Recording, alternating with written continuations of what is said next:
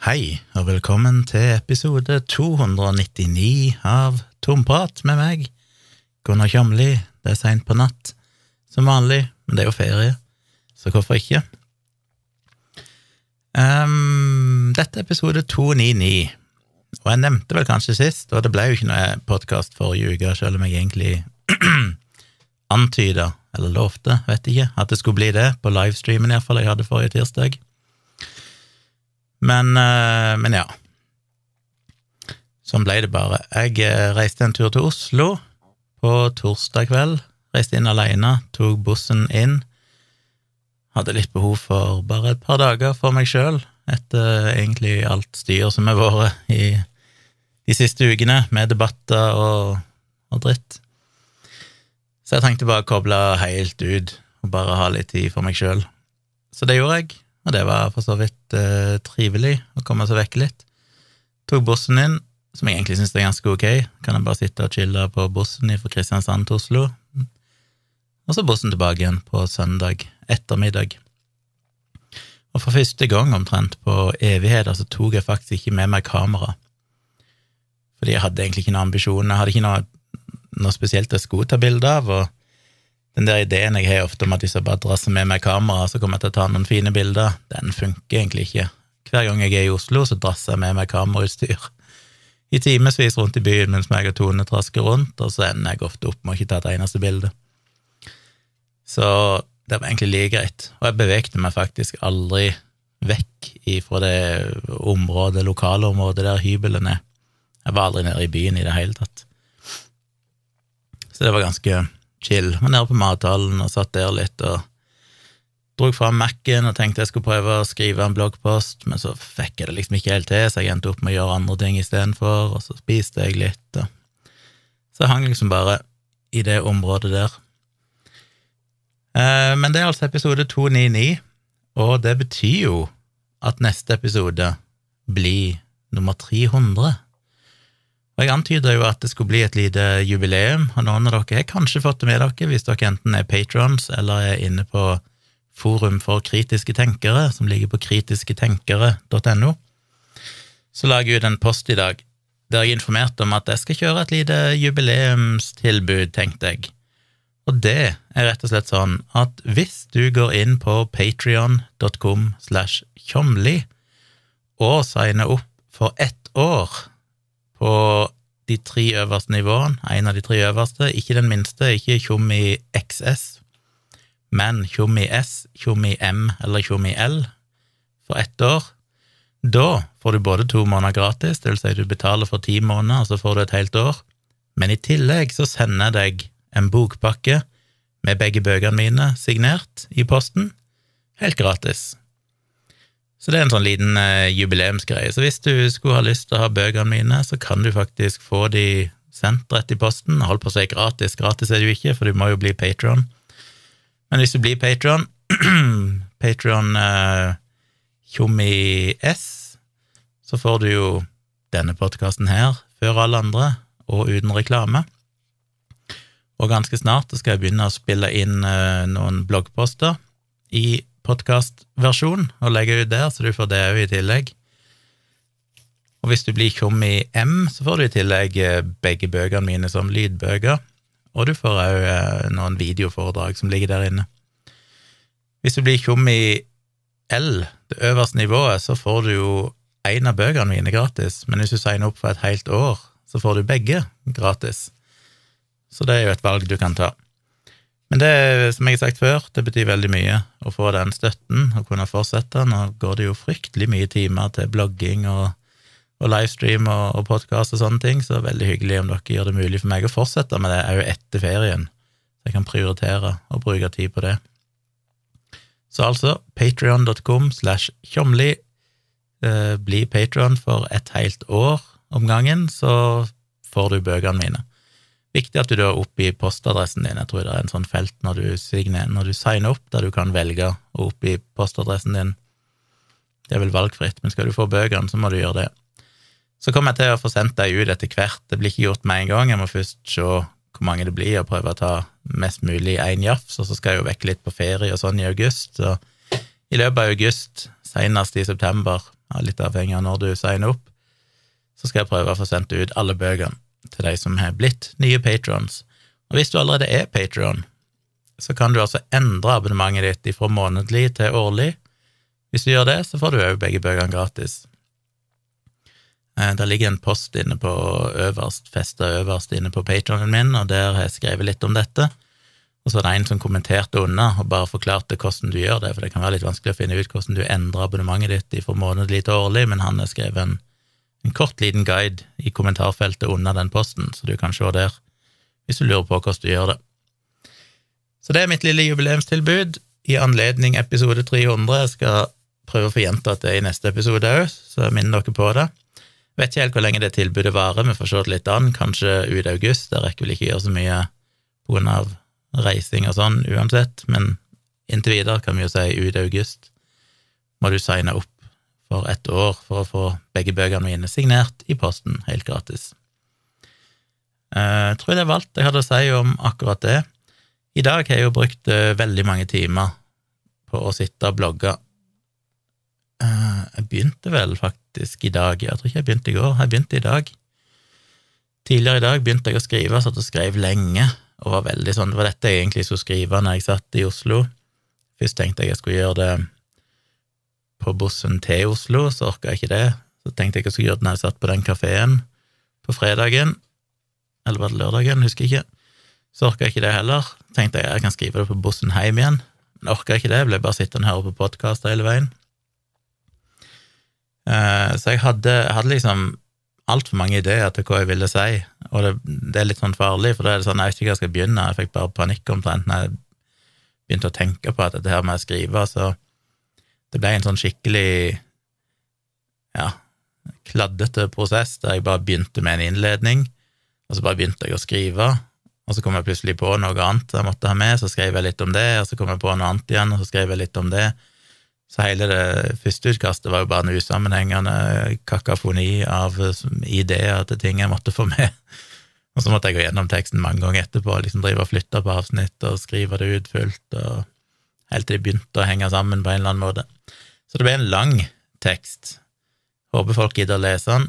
Det er jo en oppfølger igjen til denne subjektdebatten, fordi etter min forrige bloggpost der jeg eh, tok for meg subjekt og det jeg mente var problemet med subjekt, altså det tidsskriftet eller avisen eller hva det er for noe, subjekt.no, så fikk jeg jo et tilsvar av Dan B. Choi, som er sjefredaktør i Subjekt, som han publiserte i Subjekt, som eh, var etter mitt syn ikke spesielt uh, bra, og egentlig etter mitt syn var inneholdt både en del stråmannsargumentasjon, pluss at han misforstår egentlig poenget, og pluss at han veldig lettvint bare hopper over alle de konkrete eksemplene jeg gir, og later som at jeg egentlig ikke hadde noen fakta, jeg kom bare med konspirasjonsteorier. Og det finner jeg så fascinerende når jeg sitter og bruker tid på å gi eksempel på eksempel, og så blir det bare oversett totalt, som om at jeg ikke kan dokumentere det jeg hevder. Så jeg gjorde litt av det samme igjen, jeg skrev en ny tekst og gikk litt mer inn i dette med ytringsfrihet, hva er egentlig det? Og liksom dette med at ytringsfrihet er jo ikke publiseringsrett eller publiseringsplikt. Eh, altså, ja, så siterte jeg litt fra andre artikler, blant annet noe jeg snakket om her i podkasten tidligere, dette med at du kan ikke ha umoderert ytringsfrihet, for det er det egentlig ingen som vil ha, selv om de kanskje tror det. Eh, og gikk gjennom igjen flere eksempler fra subjekt på ting jeg mente var problematisk, og, og sånn. Prøvde å være så konkret jeg kunne, og henvise til Vær varsom-plakaten og hvor dette bryter med, med punktet der, og sånne ting. Jeg tviler vel på at det kommer til å forandre så mye for Danby Dan B. Choi, eller de som vil støtte han. Men det blir litt sånn hvis ikke jeg får fram poenget mitt nå, så får det egentlig bare være. Um, jeg håper du vil lese den. Ligger jo da på bloggen min på tjomli.com, og blir veldig glad som vanlig hvis dere vil dele den òg fordi det betyr veldig mye for spredningen. Skal se om jeg må dele den på nytt i morgen. Jeg delte den ganske seint i kveld når jeg endelig var ferdig med den.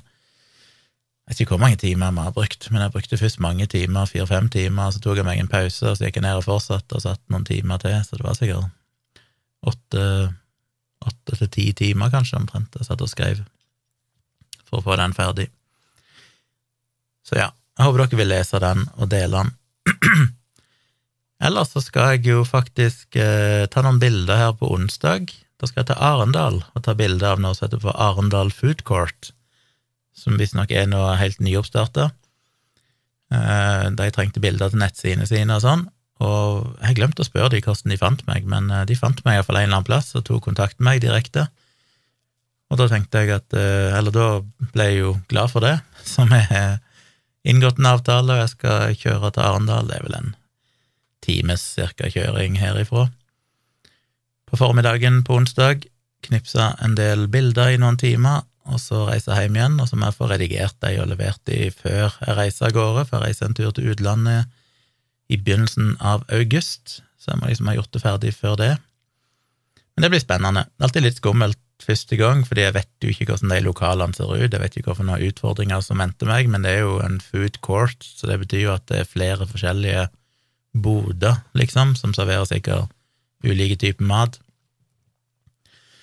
Og det kan være Jeg har jo sett noen av disse food courtene andre plasser, i Oslo og sånn, og det er jo Det blir jo litt annerledes, for når jeg er i restaurantene, så kan jeg jo gå inn eh, på kjøkkenet ofte, eller iallfall det er litt mer rom der. De her foodcourtene er jo som regel bare en boks omtrent, veldig lite, så det er ikke noe plass å gå inn, så jeg må i så fall bare stå rett på utsida og prøve å få knipsa, knipsa litt, men det ordner seg vel. Så det skal jeg få gjort. Og så i tillegg ble jeg òg booka til et nytt bryllup i Oslo. Eh, I slutten av august så er det en eh, fyr som jeg har tatt bilder av før, og han var faktisk min aller første betalende kunde. En som kontakta meg for ja, hva er det nå, to-tre år siden, etter å ha hørt på Dialogisk at jeg snakket om at jeg drev og tok bilder og gjerne ville ha folk som trengte bilder. Og han trengte bilde av seg sjøl til, hvis jeg husker, så var det vel liksom til CV eller jobbsøknad. Han er musiker, skulle søke på noe orkesterjobb eller noe sånt. Han trengte bilder til det. Og det var jo ganske skummelt. Det var jo egentlig første gang jeg gjorde den type portrettbilder, så jeg møtte jo opp der på hva er det, Musikkhøgskolen eller noe sånt i Oslo, og var litt både innendørs der og utendørs og tok ganske mange bilder av han.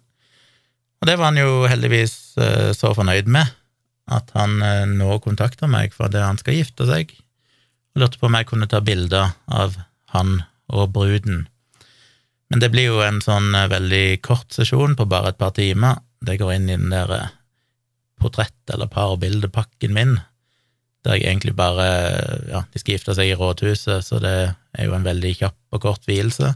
Så skal jeg bare ta bilder av dem når de kommer ut på trappa av rådhuset, og så stikker vi en annen plass etterpå, kanskje opp i Akershus festning eller noe sånt, og tar litt flere bilder der, så det blir bare en, en kort seanse på kanskje et par timer. Og kun sånne parbilder, ikke noe bilder av gjester og middager og, og vielsen i seg sjøl, kun bildene etterpå. Og det er litt kult, for da jeg tester ut alle mine pakker, da har jeg både hatt heldagsbryllup og halvdagsbryllup og portrettpakke. Så sjekk gjerne ut foto.comly.com. Jeg har jo oppdatert bryllupssida mi der, så der kan dere se alle de nye brudebildene mine og informasjon om dem, hvis ikke dere har gjort det allerede. Så det blir iallfall litt, litt fotografering. Og så skal jeg jo som sagt til Kenya i slutten av august, så da blir det jo mye bildetaking, og hvis jeg er flink, som er målet mitt, så skal jeg prøve å filme video òg, og se om enten jeg eller Tone kan eh, redigere en liten reisevideo ifra Kenya. Får se hvor lang denne episoden blir, jeg er ikke sånn fryktelig mye å snakke om, men eh, jeg fikk et spørsmål ifra en lytter som sa at jeg nevnte i forrige podkastepisode Jeg husker ikke om det var forrige eller om det blir forrige forrige nå, men eh, det var kanskje forrige, der jeg snakket med disse trolley problems, absurde trolley problems, så nevnte jeg vel i en litt sånn flåsete bisetning at jeg tenkte at For det var vel i en av de trolley-problemene så var det vel en baby som lå på skinnen, og så måtte du prioritere en baby mot fem voksne, eller noe sånt. Eh, da sa jeg vel at eh, jeg, jeg, husker helt hva jeg sa, men et eller annet om at, jeg, jeg kunne, at abort burde være lov et par år etter et barn er født. Og så lurte han på om jeg kunne begrunne eller reflektere litt mer rundt det fordi han sier det strider litt mot hans intuitive opplevelse av hva som er etisk rett, han tror ikke han er alene om det. Så han vil jeg skulle gjerne utdype både hvorfor jeg mener det, og jeg tenk, eller hvordan jeg tenker det hypotetisk skulle praktiseres. Nå må jeg jo si at det var sagt selvfølgelig litt uh, flåsete, Uh, jeg mener ikke at uh, det skal være greit å abortere eller drepe babyer lenge etter de er født. Kanskje, ikke, kanskje heller ikke like etter de er født, men jeg ønsker å drøfte det. Fordi selv om det ville være helt uaktuelt for meg å tenke at det skulle være lovlig, bare fordi det føles så ekstremt feil og grotesk, så er det jo allikevel alltid interessant å gjøre disse mer filosofiske øvelsene om hvorfor mening med det. For det er lett å si at å nei, det høres jo helt feil ut, og det blir jo galt, og det er umoralsk og alt mulig sånn, men hvis en virkelig må argumentere for hvorfor, så er det jo fort mer komplisert og interessant. Og grunnen til at jeg sa det, litt sånn flåsete, og jeg har sagt det før, er jo bare den ideen om at hvis en måler menneskeverd ut ifra kognitive evner, så er det jo vanskelig å argumentere for at vi skal kunne drepe katter og hunder og jakte på all slags dyr drepe sauer og griser og kyr og sånne ting til mat, men ikke kunne drepe en baby inntil en viss tid etter han er født, han eller hun, fordi de kognitive evnene der er jo ikke noe større. Og det er jo litt inspirert, selvfølgelig, av filosofen Peter Singer, som kanskje en del har hørt eh, fremlegge dette argumentet før, måtte jeg google litt for å liksom eh, friske opp hukommelsen. Jeg har vel hørt noen podkaster om det tidligere, sånn, men det er ganske lenge siden, så jeg måtte friske opp hukommelsen litt om hva han egentlig har sagt, og fant en artikkel som jeg skal, kan ta lenker til i shownotes. Litt usikker på hvorfor nettside det er, det har jeg ikke sjekka, jeg gikk bare rett inn på den artikkelen. Det er mulig at det er en sånn kristen eh, nettside, for alt jeg vet, eller antiabort-nettside, men det er ikke så relevant. Det relevante er at her var det en sånn kort, liten oppklaring av hva han har sagt, og så var det en som har kommet med noen motargumenter og Jeg tenkte det kunne være litt interessant å drøfte. Men her skriver han iallfall at det var i 1993 at eh, Peter Singer først, uh, først sjokkerte mange amerikanere ved å si at ingen nyfødt baby skulle kunne regnes som en, en, fullverdig person før etter de hadde vært, eller etter de var 30 dager gamle. Og at det da medførte at uh, legen som var til stede når babyen ble født, hadde egentlig rett til å drepe barnet innenfor de 30 dagene, eller drepe barnet umiddelbart etter fødsel. Han sier jo da at det kun gjelder sterkt funksjonshemma eller eh, barn, barn som kanskje ikke vil leve lenge uansett, eller ikke vil ha noe Selvfølgelig er det vanskelig å måle, men ikke noe godt liv etter den standarden vi kanskje tenker for en ellers frisk person. Han tar jo det forbeholdet, det skal vi komme litt tilbake til. Eh, og ideen hans er jo at eh, babyer ikke er født med noen bevissthet. De er jo ikke klar over at de eksisterer, eller at de kommer til å eksistere i framtida. Derfor er de heller ikke som personer å regne. Så han argumenterte jo for at verdien til en nyfødt baby var mindre enn en livet til en gris eller en hund eller en sjimpanse. Og dette var jo egentlig ikke noe nytt. Han hadde jo han hadde jo, Eller det var kanskje nytt for han, men det var andre filosofer som hadde sagt dette mye før han, blant annet tilbake på 70-tallet, og egentlig fronta de samme ideene, at rent sånn filosofisk sett, rent etisk sett, så er det vanskelig å argumentere for at det ikke skal være greit å drepe babyer.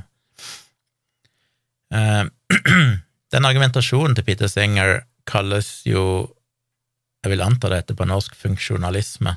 Dette er for functionalism på engelsk, der ideen er at det som definerer en person, eller et menneske, er hva de kan eller ikke kan gjøre, altså evnene deres. Og det er jo litt, ifølge Peter Singer, så det er jo et, et argument ut ifra at eh, han ikke tror på en gud, han tror på et strengt materialistisk, en strengt materialistisk verden. Og hvordan ellers kan du måle menneskeverd hvis du avviser at menneskene har noen sånn iboende verdi, for det blir jo nesten et religiøst konsept. Det er vanskelig å å si hva det skulle være, og hvorfor det skulle være sånn, så du må liksom finne en eller annen måte å gi menneskeverdi på. Og da blir verdien denne funksjonalismen, altså hvilke evner vi har. Og så lenge babyer ikke er i stand til å se på seg sjøl som et selvstendig individ som eksisterer over tid, så, så er de ikke rasjonelle eller selvbevisste, og de har ikke noe ønske om å leve, for de er jo ikke i stand til å vite at de lever engang. Og derfor er det egentlig greit å drepe dem. Og han mener at det, gjør, det er jo en vesensforskjell Eh, derfor mellom en veldig liten baby, en relativt nyfødt baby, og en, et eldre barn som har begynt å utvikle de evnene, og da gjør det til et fullverdig menneske. Så sier han òg at, eh, da, rent konkret, som jeg var innom tidligere, at det å drepe nyfødte babyer er sånn sett mindre problematisk enn å drepe en lykkelig katt. Og han sier jo sånne eksempler som at uh, hvis foreldrene velger å drepe et nyfødt barn fordi det er født med en eller annen funksjonshemming, og det trenger ikke nødvendigvis være en veldig alvorlig funksjonshemming, men et eller annet som vil svekke eller redusere livskvaliteten for dette barnet. Hvis de velger å drepe det barnet fordi de heller kan føde et nytt barn seinere, som forhåpentligvis da er friskt, og dermed vil være mer lykkelig og ha bedre livskvalitet, så har det jo økt den totale mengden av lykke i verden, eller iallfall for alle involverte parter. Og det blir jo en sånn utilitarisme, ikke sant, at målet er litt som et trolley problem. Eh, at du velger utfallet ut ifra hva som skaper mest lykke, eller hva som redder flest liv, ikke sant, dette endelige eh, endelige endepunktet.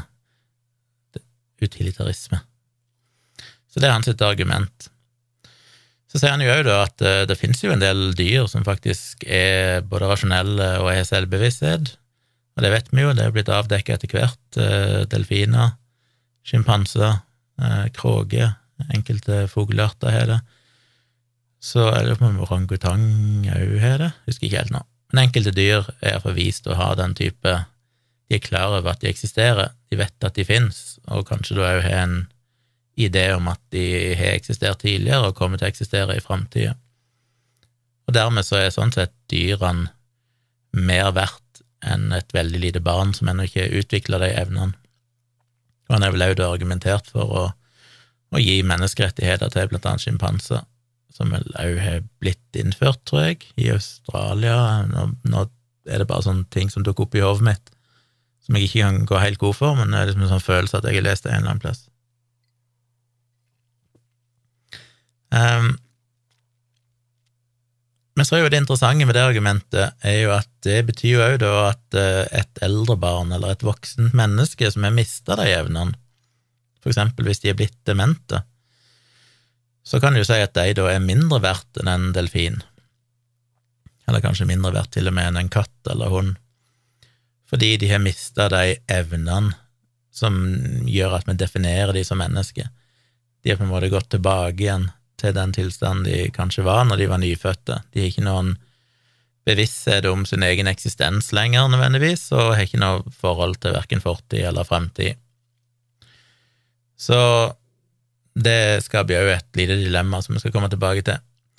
Så sier han jo at eh, det er veldig strenge kriterier for når en skal kunne drepe små babyer, og det er jo ja, Argumentet hans for det er egentlig bare at det vil være trist for folk rundt.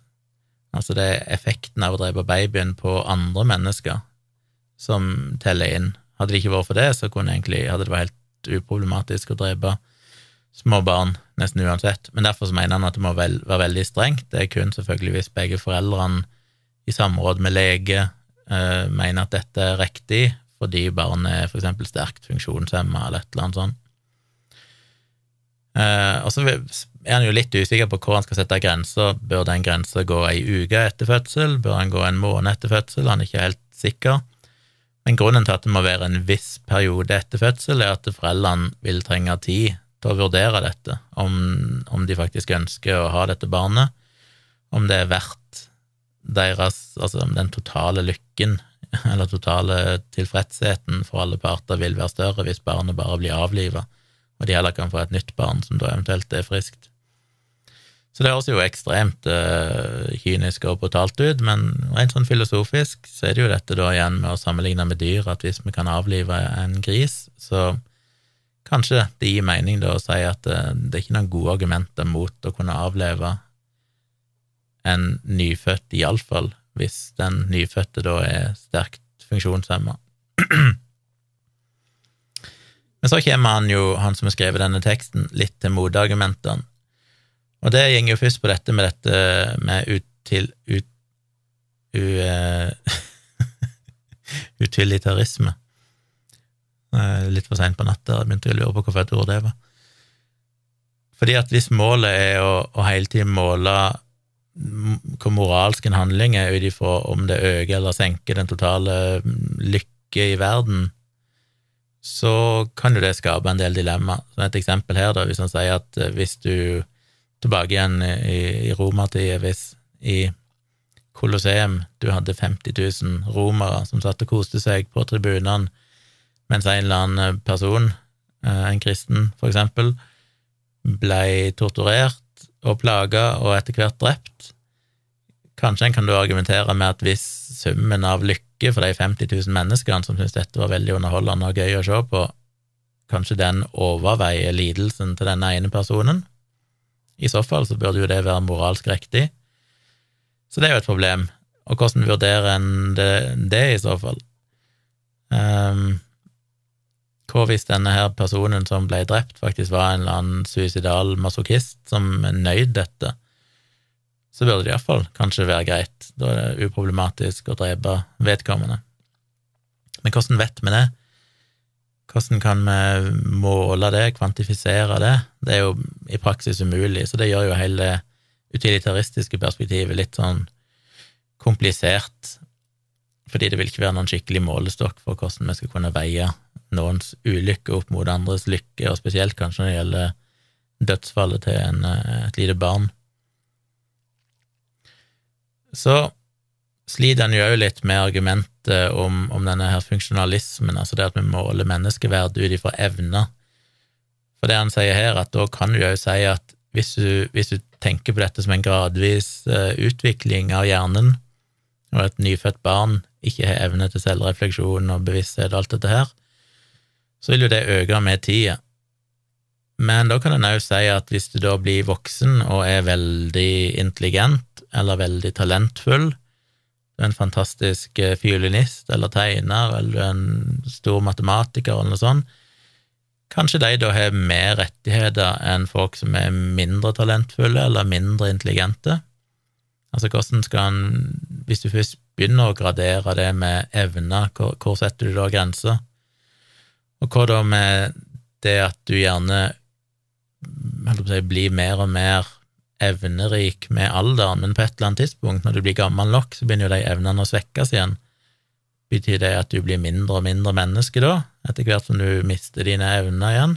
Mister litt hukommelse, kanskje blir glemsk, kanskje mister førligheten så du ikke kan være like flink å male eller spille fiolin eller whatever seinere det vil jo òg være en naturlig konsekvens av den tankegangen.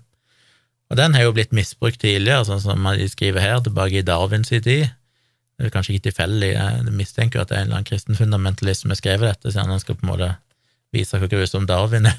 Men han trekker jo tilfeldigvis da fram Darwin eh, som eksempel på hvordan han og hans eh, ja, folk som levde på hans tid, gjerne da brukte det argumentet for å dehumanisere kvinner der ideen var at kvinner var biologisk og intellektuelt underlegne menn, fordi hjernene deres var mindre utvikla enn menns hjerne, og at dermed de skulle ha mindre rettigheter og sånne ting òg.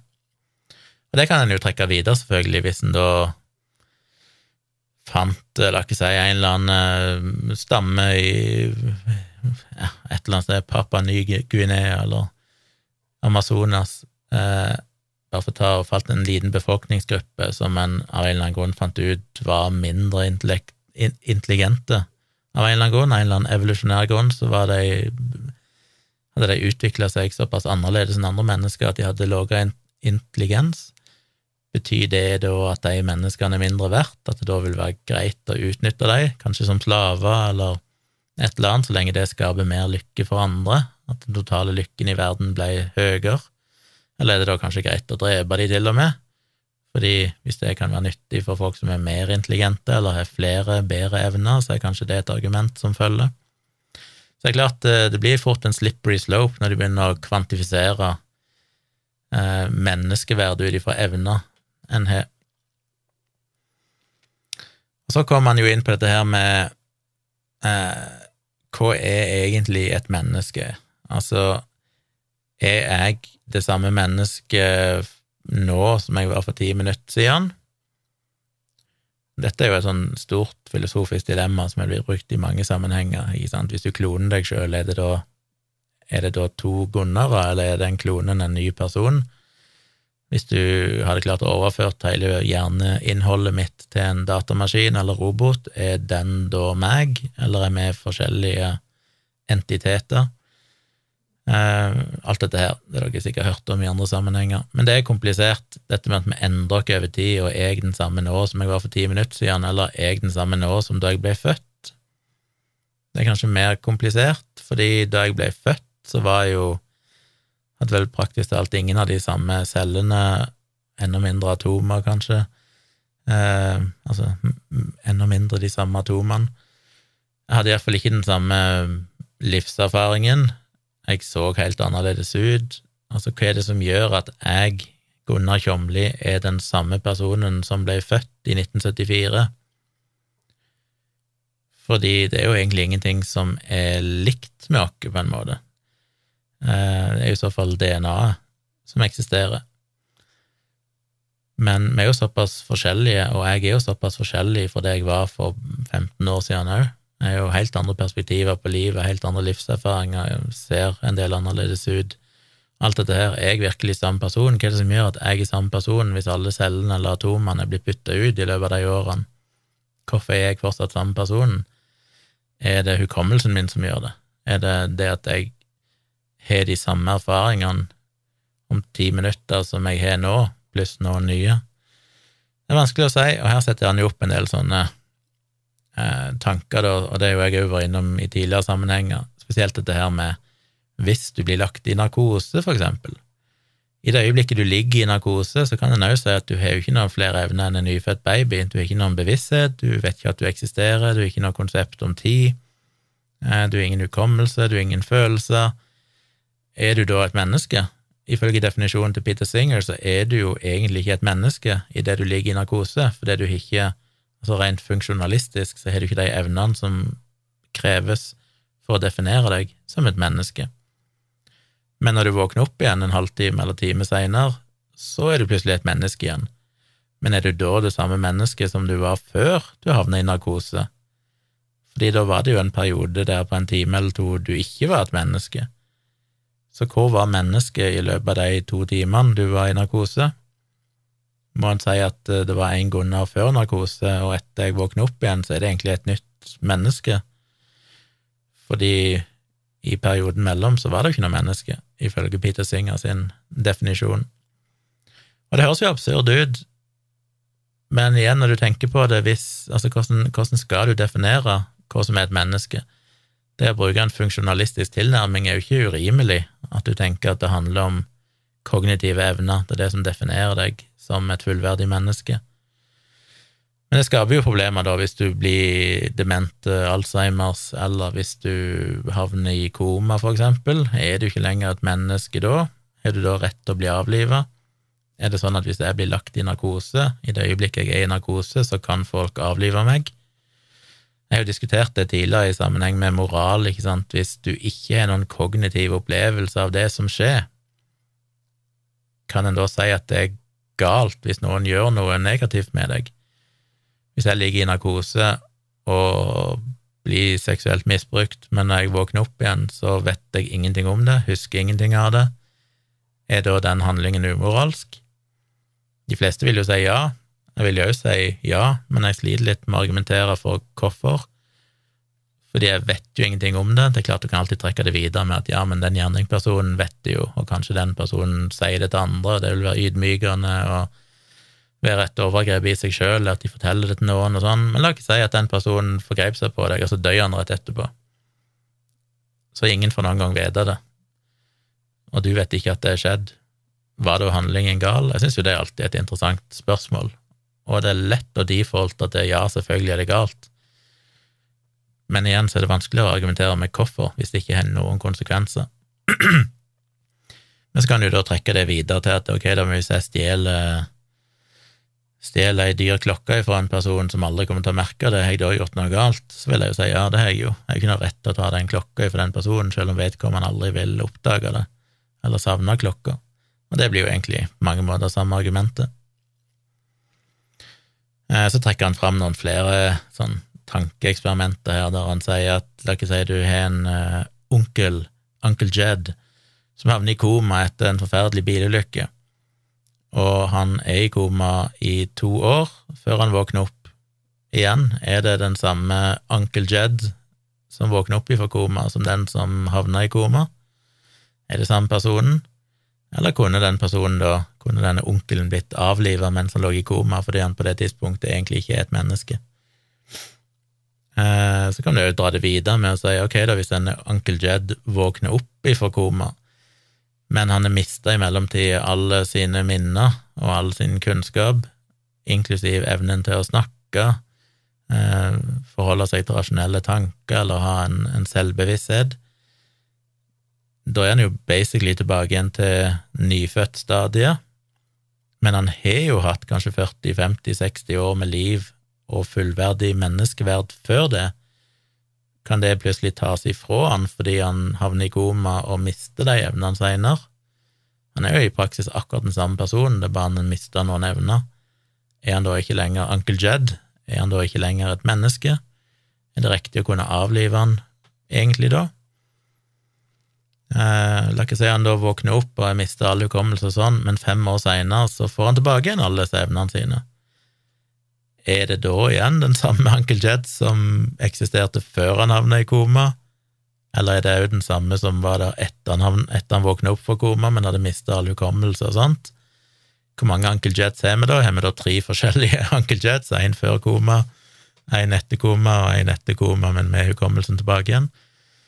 Så igjen, alt dette er jo bare for å vise at det er komplisert, dette med hvordan du skal definere et menneske ut ifra evner eller funksjonalisme. Så det er en, en uh, vanskelig debatt, og igjen, jeg syns jo selvfølgelig at det vil være jeg, jeg, kunne ikke på en måte tenkt meg en verden der det skal være mulig å avlive nyfødte foster men da kommer du selvfølgelig rett innom abortdebatten, for da er spørsmålet ok, men hvorfor syns jeg det er greit å avlive et eh, mindre utvikla foster? Sa jeg nyfødt foster i stad, for det mente jeg ikke nyfødt baby. Men eh, å avlive et faktisk foster, for eksempel innen de tolv første ukene, eller 18 uker. For da er vi jo tilbake til det samme argumentet, der du sier at ja, men på det tidspunktet så er de ennå ikke utvikla noe selvbevissthet og alt dette her. Men det har de jo teknisk sett ikke når de er to uker gamle heller, eller iallfall ikke når de er fem timer gamle. Så hva er egentlig forskjellen hvis vi sier at det er greit å, å abortere en tolv uker gammel baby eller foster? Hvorfor er det ikke riktig å avlive et ett uke gammelt nyfødt barn? Hvis en skal måle det ut ifra evnene, så kan en selvfølgelig dra inn da, ja, men ok, eh, de utvikler på et eller annet tidspunkt iallfall et sentralnervesystem og evnen til å føle smerte og sånn, så en nyfødt baby har i minste evnen til å føle smerte, for eksempel, og respondere på det, mens et foster inntil et visst antall uker ikke har det. Er det veldig betydningsfullt? Jeg vet ikke. Argumentet blir jo gjerne da at ok, men fram til det er eh, levedyktig, så kan det aborteres, fordi da er det uansett avhengig av mora. Men i for det øyeblikket det teknisk sett kunne vært levedyktig hvis du foretok et keisersnitt, eller du hadde en for tidlig fødsel, så er det uetisk å avlive det, fordi da tilsvarer det egentlig å avlive det etter fødselen.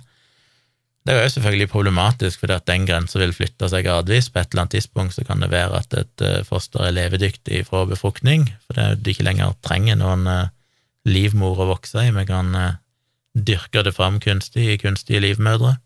Det har en jo til en viss grad gjort med enkelte dyr. Så det er jo bare et spørsmål om tid før vi vil klare det. Men så er jo abortdebatten selvfølgelig alltid interessant, bare fordi at en såpass stor andel av befrukta egg ender jo opp i spontanaborter. Så som Dag vel har sagt i et eller annet standup-greie, at Gud er den største massemorderen. Eh, og det er jo tilfellet, og da blir jo alltid mitt argument at hvis du virkelig mener at et foster er et fullverdig menneske og har fullt menneskeverd, og dermed ikke kan aborteres, Hvorfor i hele verden argumenterer du ikke da for å sette inn milliarder på milliarder i forskning for å klare å redde alle disse spontanabortene for å skje? Bør vi ikke inn med nanoteknologi og alt mulig for å prøve å forhindre spontanaborter? Fordi eh, Jeg husker ikke tallene, men den er jo en stor Er det 30% eller sånn hver tredje eller noe sånt befrukta egg ender jo opp i en spontanabort eller noe sånt. Eller er det høyere tall? Jeg vet ikke. Det er iallfall mange. Og hvis en tenker hvor mange mennesker, mange liv det utgjør i løpet av et år, og sammenligne det eksempel med krefttilfeller eller aids eller andre ting, vi bruker mye penger på å prøve å forhindre eller behandle, og du virkelig mener at et tre uker gammelt foster er akkurat like mye verdt og har akkurat like mye rett på medisinsk behandling og det å overleve, så er det jo rart at ingen av abortmotstanderne argumenterer for at vi må bruke enorme ressurser for å prøve å stoppe disse spontanabortene og prøve å gå inn på en eller annen måte for å fikse det før det skjer. Eh, men det hører du jo aldri. Så det virker jo alltid litt sånn halvveis når de sier at de har fullt menneskeverd og sånn, men det er jo ingen vilje egentlig til å gjøre noe med det.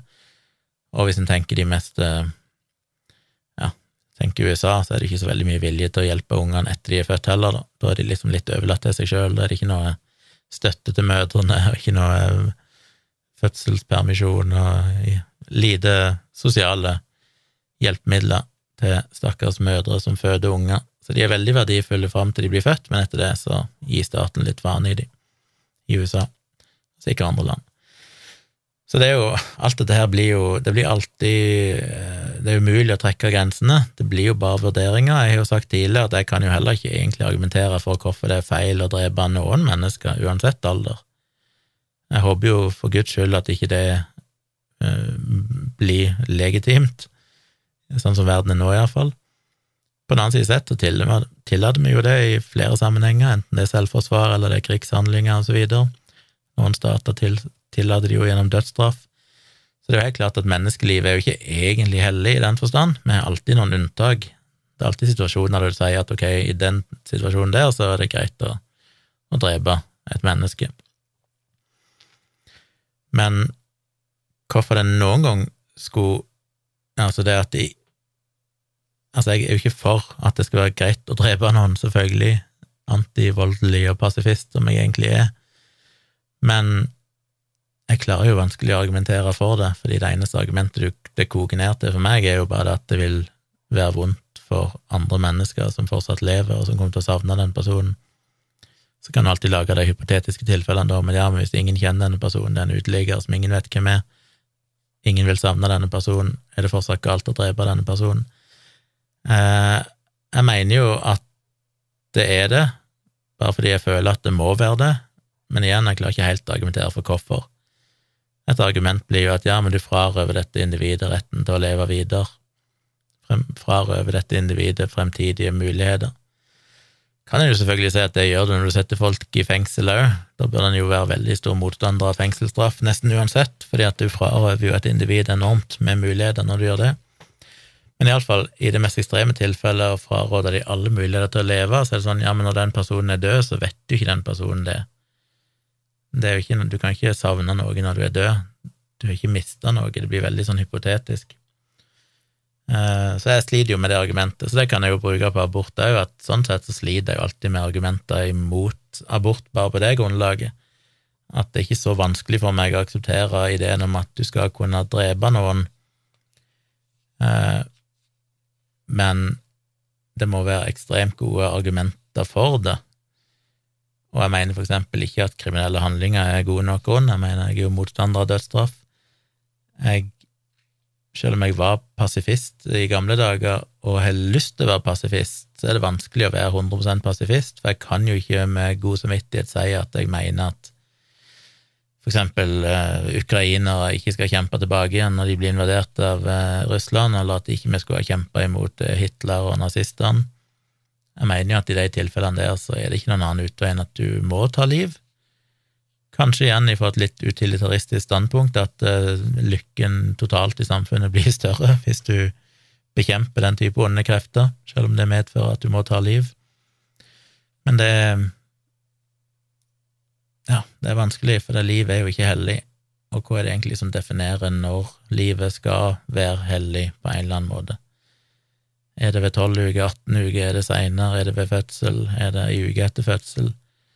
Når slutter det, og hvis du da blir gammel og dement, har du da noen rett på å leve lenger? Det er jo lett å tenke at dette er selvfølgelig, at ja, selvfølgelig, når du er født, så er du rett på å leve uansett, og alt dette her når du lever på jorda. Men så kan en da ta eksempelet som vi var innom i Dialogisk når vi hadde Eirik Newth som gjest et par ganger, og dette med å, å busette seg på Mars. For tenk deg at en sender opp 100 500 000 personer, et eller annet sånn, til Mars, som skal leve i den første menneskelige kolonien der, med veldig begrensa ressurser. Du har akkurat de ressursene du trenger til å holde liv i de folkene som er der. Eh, men tenk deg da at en eller annen person blir alvorlig skada, eller får kreft, eller over tid blir såpass gammel at han eller hun ikke lenger kan bidra til samfunnet, er kun en belastning, ender opp med å bruke opp mat og oksygen og så videre, og ikke kan bidra nå tilbake igjen, er det fortsatt riktig da at uh, den personen må overleve, eller kan en da argumentere for at i en sånn situasjon, så må en kunne si at når du ikke lenger er nyttig, så, så, så må vi på en måte avlive deg. Det skal ikke være mulig å sende folk tilbake igjen da fra Mars, men at du først er kommet der, så må du bli der. Og så føles det kanskje feil igjen, men la ikke si det var så ekstremt da, som at eh, hvis personer som ikke bidrar, overlever, så vil flere dø, fordi at da klarer du ikke å produsere nok ressurser hvis ikke alle menneskene som er der og forbruker ressurser, òg er med på å produsere ressurser, kan en fortsatt si da at nei, men den personen må fortsatt få leve, selv om det betyr at da vil flere dø over tid. Da er du igjen over på trolley problem-problematikken.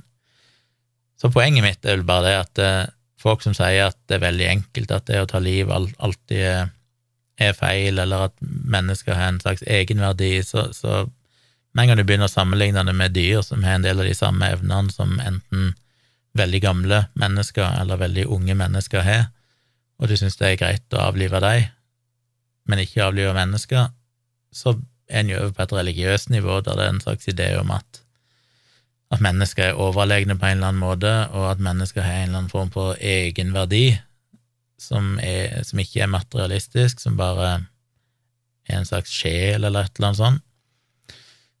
Ja, jeg vet ikke. Jeg skal ikke konkludere, for det er det ingen filosofer som har klart gjort før meg, tror jeg, med overbevisning, så jeg kommer ikke til å, å kunne ha noen svar, men jeg synes det er gøy å bare tenke høyt rundt sånne spørsmål. Eh, konklusjonen er jo at eh, jeg tror Peter Singer sin argumentasjon svikter på noen områder. Samtidig så er det ikke noe bedre alternativ enn det han fremlegger til hvordan vi skal vurdere menneskeverd. Og selvfølgelig så kan en si at i dag, så når han la fram de her ideene for en 30 år siden, så er vi jo nå med fostervannsdiagnostikk og alt mulig sånn, så er vi jo på en vei der vi til en viss grad kan si at nå, nå gjør vi jo på en måte det. Vi avliver jo foster eh, på det grunnlaget at vi tenker at de er eksempel sterkt funksjonshemma. Er det noen forskjell på det og det å gjøre det i løpet av de første 24 timene etter fødsel, for det er det første året du oppdager det. Det handler jo bare om når vi kan detektere det. Nå kan vi tilfeldigvis oppdage en del sånne ting gjennom fostervannsprøver. Det kunne en kanskje ikke før. Da måtte du vente til babyen var født for å se hva som skjedde. Men er det egentlig noen etisk, prinsipiell forskjell på det? Ikke nødvendigvis. Men jeg tror selvfølgelig at uh, du skal være ganske hardbarka som forelder hvis du føder et barn og så sier at uh, nei, vi avliver det. Det er jo et eller annet menneskelig der, et eller annet med at det er vanskelig når du først har sett den fysiske Uh, Altså, det, det, er vanskelig med abort òg for mange, men at det blir ekstra vanskelig når du har sett den fysiske legemet komme ut av deg, og du ser at det er i live. Så tror jeg du skal være ganske spesiell, og jeg tror det ville tatt veldig lang tid om en sånn lov skulle blitt innført, at du kunne avlive det innen de første tre dagene eller første uke eller første måned, at ikke alle andre rundt deg skulle tenke at du er en grusom person. Du er en grusom forelder. Men igjen så er jo det òg irrasjonelt, fordi hvorfor er det noe mer grusomt enn å velge en abort på grunnlag av fostervannsdiagnostikk? Eller bare en abort generelt sett. Det er jo ut ifra Peter Singer sin argumentasjon, og som jeg egentlig følger, da, med tanke på dette, om det egentlig er noen forskjell i verdi, eller basert på evner, når du er ei uke gammel, kontra når du er eh, fortsatt er i magen. Jeg sliter jo med å finne de argumentene. Men hvis dere har noen gode argumenter, noe jeg har oversett, noe dere mener svikter i argumentasjonen, så send gjerne det til tompratpodkast at gmail.com. Veldig interessert i å høre hva dere sier. kanskje dere har link til en eller annen artikkel, ikke send meg noe som er på 140 sider, men, men om det er en eller annen eh, overkommelig eh, artikkel som det går an å lese kjapt, som kanskje er noen gode argumenter rundt dette her, eller du bare vil formulere de sjøl i en mail, så fortsetter jeg gjerne denne diskusjonen i neste episode eller senere episoder. Jeg tror ikke jeg fortsetter. Jeg skal, det er mulig jeg skal delta i Dagsnytt 18, det glemte jeg å si, i kveld, tirsdag 26. juli, eh, for å debattere Dan B. Choi om subjekt. Skulle egentlig gjort det forrige uke, men da var jeg på vei til Oslo, så jeg kunne ikke. Og så passa det ikke på fredagen, og så skulle jeg egentlig vært nå i mandag kveld, men så fikk jeg en telefon der de sa at eh, det ble nok eh, mer sannsynlig i morgen. Men jeg kan aldri ta noe for gitt. Jeg opplevde det før, at hvis du blir invitert til å være med på et eller annet, men så blir det ikke noe, for det dukker opp viktigere nyheter og andre ting, og programmet endrer seg og sånn.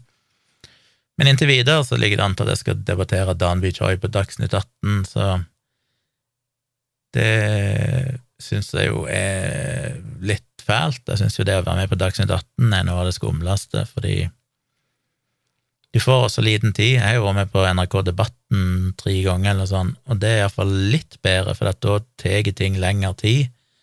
Du får tid til å tenke litt innimellom og, og rekke opp hånden si, når du vil si noe, selv om det er skummelt når du plutselig får ordet der òg, altså plutselig må du levere et eller annet fornuftig på relativt kort tid. Men Dagsnytt 18 er liksom enda mer kompakt. Du får kanskje sju minutter.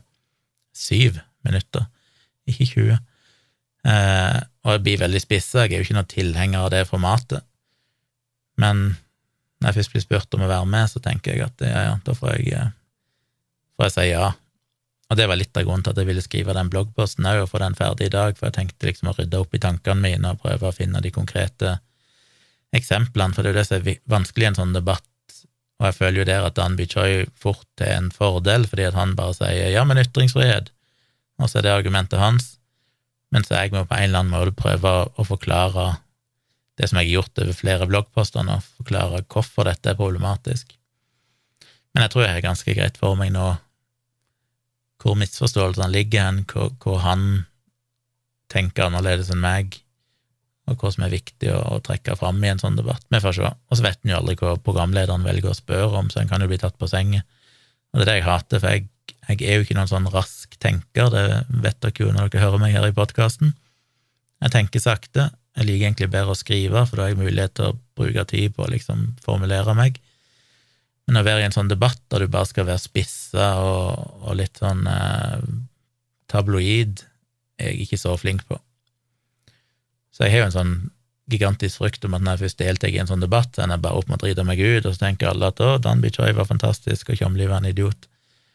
Og så går jeg bare ut og hater meg sjøl i noen måneder. Men en må jo våge det. Heldigvis så pleier de fleste å glemme det etter et par minutter. Etter de har sett Dagsnytt 18, så går det en dag, og så har folk glemt det.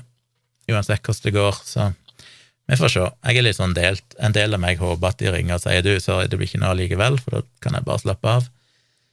Samtidig er det litt surt, selvfølgelig er det, når en først blir spurt, og jeg er litt sånn mentalt forberedt på det, så er det jo fint å, å være med. Vi får se om det blir en uh, uavhengig av Dagsnytt 18 eller ikke, så skal jeg se om jeg får prøvd å kjøre en livestream i kveld igjen, tirsdag kveld, jeg skal prøve å begynne tidlig, som vanlig, eller som jeg har gjort i det siste, for det ser folk ut til å like, og da begynner jeg klokka ni inne på YouTube, på Tvilsomt med Tjomli, med Tomprat live, så bli gjerne med på det. Uh, minner dere igjen på jubileumstilbudet mitt, gå inn på patron.com slash tjomli og sign opp for et år som patron, så sender dere begge bøkene mine signert i posten. Det er mulig jeg bare velge litt sjøl om dere får pocket-versjonen eller uh, hardback-versjonen av uh, placebo-defekten. Jeg må se litt hva jeg er mest av på lager. Jeg tror ikke jeg kan begynne å ta bestillinger på det, så dere får bare ta det dere får. Noen er uh, kanskje heldige, eller det vet jeg ikke, det er jo noen som foretrekker pocket-versjonen, så jeg vet aldri hva folk vil ha. Jeg kan sikkert skrive et lite ønske hvis du vil, så får jeg se om jeg kan tilfredsstille det. skriv det i en melding på, i innboksen på eh, Patron, hvis dere vil ha en preferanse. Ja, det var vel alt. Hvor lenge ble denne episoden? Ble det en full episode? Ja, det ble jo egentlig det. Jeg skal prøve å komme med en ny episode, enten, nå, enten så klarer jeg det i slutten av denne uka, episode 300 altså, eller så må jeg prøve å få måkt den ut tidlig neste uke. Og så blir det litt dårlig med podkastepisoder i august, kanskje, fordi jeg er vekke en del, men det skal komme en annen episode da òg. Så følg med fortsatt. Vi snakkes, ha en fortsatt god ferie hvis du er det, og så er jeg tilbake igjen en eller annen gang ganske snart.